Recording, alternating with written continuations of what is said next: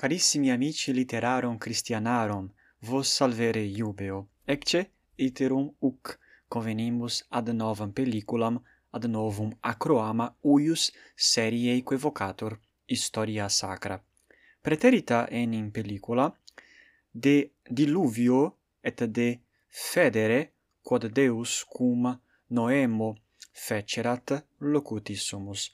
Odie autem transimus ad aliam fabulam de Abramo est fabula fortasse nota vobis sed iterum eam tractabimus. Tractabimus verbis uius auctoris lomond bene ergo incipiamus. Omnes gentes propagate sunt a filiis noemi.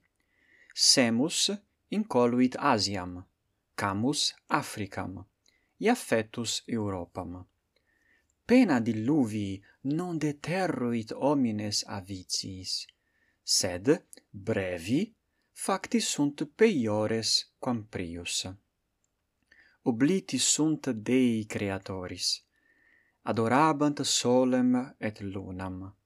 Non verebantur parentes dicebant mendacium facebant fraudem furtum homicidium. Uno verbo se contaminabant omnibus flagitiis. Bene, ergo, omnes gentis propagate sunt a filiis Noemi, cur quia post diluvium omnes homines perierunt, ergo stirps nova exhorta est ex Noemo, ergo omnes homines qui nati sunt post diluvium, nati sunt ex stirpe Noemi. Ergo omnes gentes quae sunt propagate sunt affiliis Noemi. Semus incoluit Asiam, semus fuit unus ex filiis Noemi.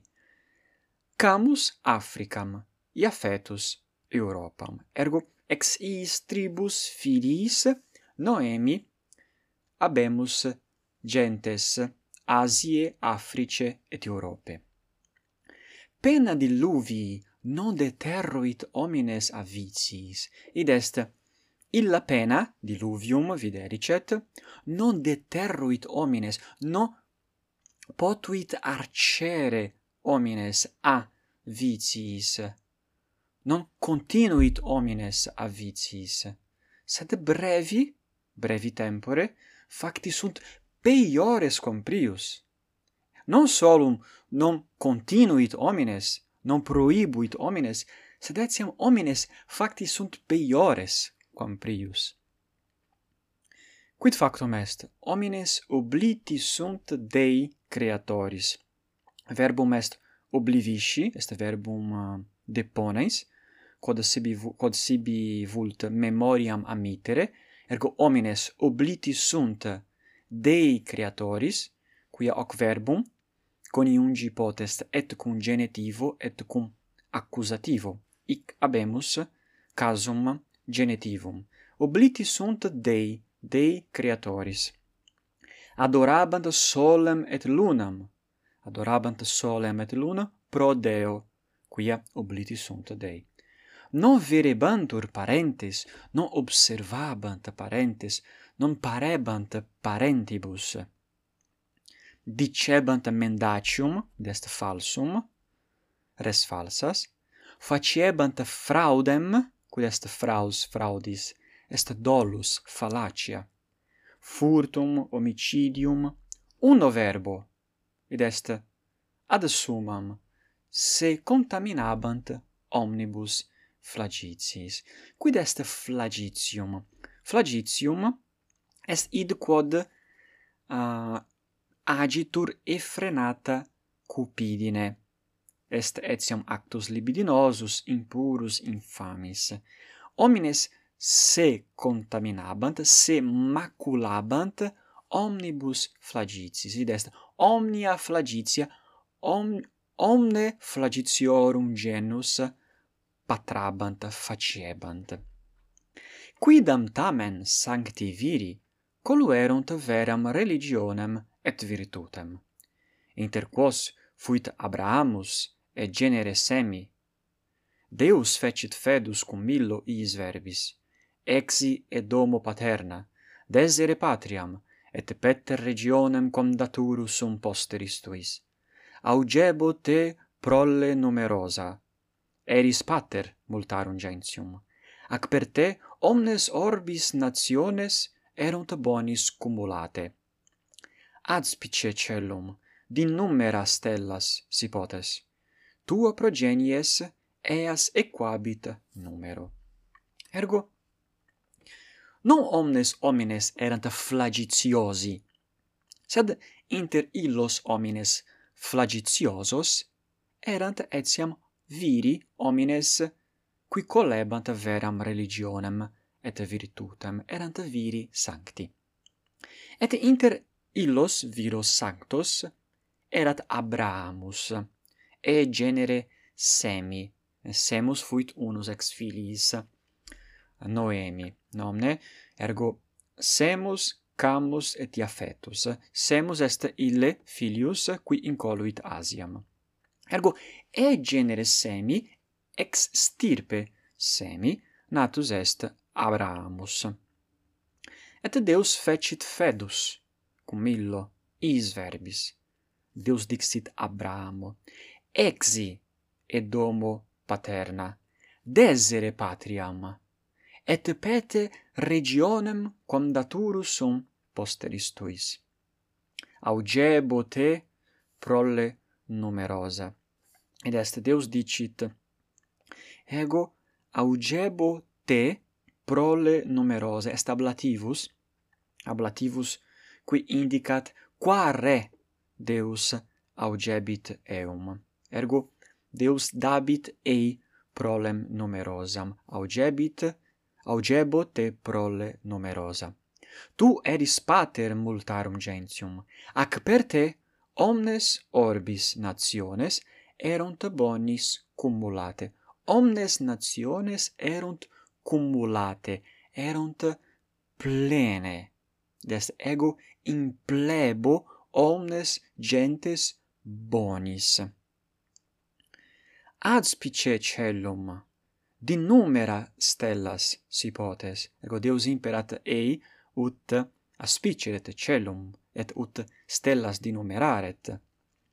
Et deus dicit tua progenies eas equabit numero. Quid est verbum equare?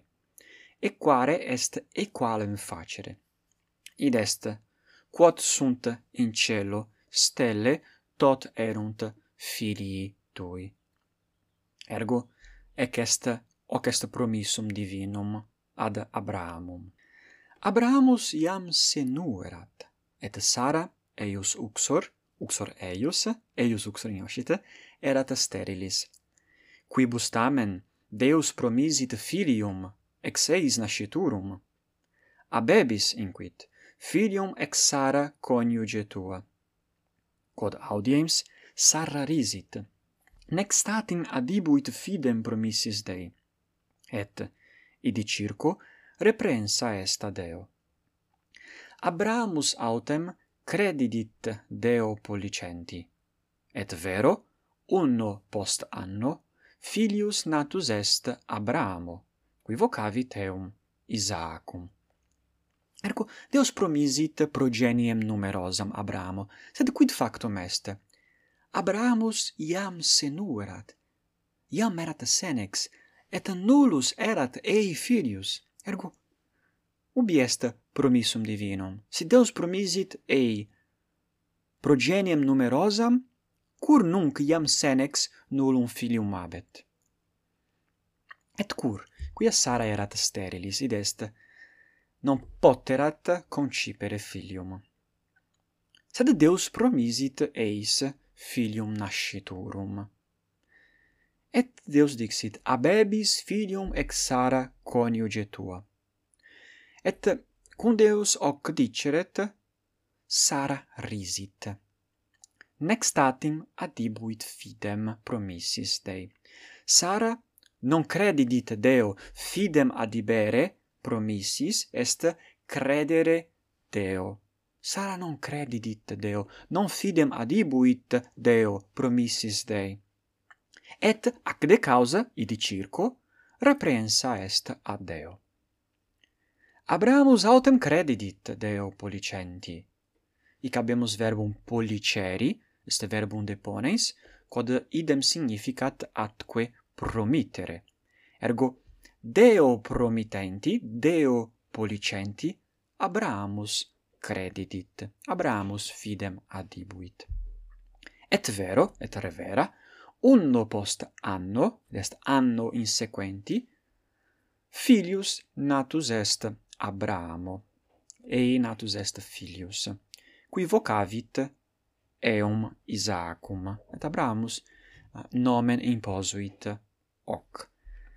Post quam Isaacus adolevit, Deus tentans fidem Abrahami dixit illi.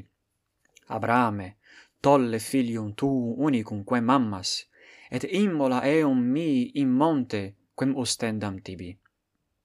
Abrahamus non dubitavit parere Deo iubenti, imposuit ligna Isaaco, ipse vero portabat ignem et gladium. Cum iter facerent simul, Isaacus dixit patri, mi pater, ecce ligna, sed ubinam est ostia immolanda. Cui Abrahamus, Deus inquit, sibi providebit ostiam firimi. Ergo, Isaacus, filius Abrahami, quinatus est cum Abrahamus et Sara essent senes, iam adolevit. Verbum est adolescere, adolevisse, significat adolescens fieri. Ergo, postquam Isaacus adolevit, Deus tentans fidem Abrahami, Deus probans fidem Abrahami, dixit ili, ergo Deus voluit probare Abrahamum, tentare eum. Abrahamme, tolle filium tuum, summe filium tuum, unicum, quem amas, et immola eum mi. Quid est immollare? Immollare est sacrificare, mactare. Immola eum mi in monte, quem ostendam tibi. Abrahamus non dubitavit parere Deo iubenti, ergo Abrahamus paruit Deo, quia credebat Deo.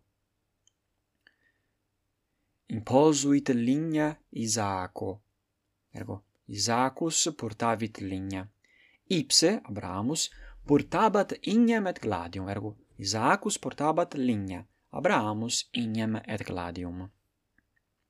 Cum iter facerent simul, Isaacus dixit patri, mi pater, ecce ligna, sed ubinam est ostia immolanda cui Abrahamus Deus inquit sibi providebit ostiam fili mii ergo habemus cum quid significat cum? Significat cum. Est forma antiquior cum iter facerent simul Isaacus interrogavit patrem. Habemus linea Sed ubi, ubi est ostia in Mollanda? Ubi nam est ostia in Mollanda? Et Abrahamus respondit, noli curare, sine cura sis, Deus providebit ostiam sibi. Ero se Deus imperavit, ut hoc faceremus, ipse Deus providebit omnia, Deus curabit, ut omnia sint impromptu. Ubi pervenerunt ambo in locum designatum, Abrahamus extruxit Aram, disposuit linea, alligavit Isaacum super struem lignorum, deinde aripuit gladium. Tum angelus clamavit de cello, Abrahame, contine manum tuam, ne nocias puero. Iam fides tua mi perspecta est, cu non peperceris filio tuo unico, et ego favebo tibi, remunerabo splendide fidem tuam. Abramus respexit, et vidit arietem erentem cornibus inter vepres, quem immolavit loco filii. Bene, ergo, ubi pervenerunt ambo, id est postcom ambo, Isaacus et Abrahamus, ad locum designatum pervenerunt, in locum designatum pervenerunt, in locum statutum, id est in montem, Abrahamus extruxit Aram, extruxit erexit Aram, sive altare, disposuit ligna in altari in ara, alligavit Isaacum super struem lignorum, ergo Deus, a Deus, ignoscite. Abrahamus disposuit ligna, et super struem lignorum, quid est strues, strues est acervus, acervus lignorum. Ergo super struem lignorum aligavit, laqueis aligavit filium Isaacum. Deinde arripuit gladium, sumpsit gladium. Tum angelus clamavit de cello, Abrahame, contine manum tuam, abstine manum, noli tangere puerum. Ne noceas puero, verbo nocere, cum dativo, ne, ne malum facias puero. Iam fides tua mi perspecta est, id est, iam fides tua mi est clara manifesta. Quo non peperceris filio tuo unico, cur fides iam perspecta est, cu non pe perceris filio tuo unico verbum est parcere hoc verbum iam vidimus preterita pellicula verbum parcere pe percisse cum dativo. Tu non id est fides tua perspecta est quia tu non pepercisti filio tuo. Fides tua perspecta est cum non peperceris filio tuo unico et ego favebo tibi. Verbum est favere favisse et scribitur cum casu dativo et significat significat cupere vel facere bona aliqui. Ego favebo tibi. Bona tibi dabo. Te iuva te iuvabo. Remunerabo splendide fidem tuam. Remunerare est redere munus quia Abrahamus demonstravit se abere veram fidem, ergo pro illa fide, quam Abrahamus adibebat Deo, angelus promisit se remunerare illam fidem. Splendide, id est magnifice. Abrahamus respexit et vidit arietem. Abrahamus erat ante aram, ante altare, se convertit et vidit respexit et respiciens vidit arietem. Quid est aries? Aries, bene, ovis est feminea. Aries est mas ovium. Bene? Ergo, ovis est feminea, aries est mas ovis vidit arietem, arietem erentem cornibus inter vepres. Vepres sunt spine. Ergo aries erebat, ed est affixa erat, inter vepres, inter spinas, quibus cornibus, ergo cornua affixe erant spinis, et aries moveri non poterat, erebat ergo Abramus vidit arietem erentem inter vepres. Et Abramus sumpsit arietem, et immolavit eum loco filii pro filio. Bene, ec est nostra fabula odierna de Abramo et de Isaaco. Spero vobis placuisse ut iam vobis significavi, ut iam vobis dixi, si dubium abueris, abueritis, potestis in commentaris scribere, et ego conabor dubia vestra solvere. Ergo gratias plurimas vobis ago, me aduc audientibus, et in proximum valete.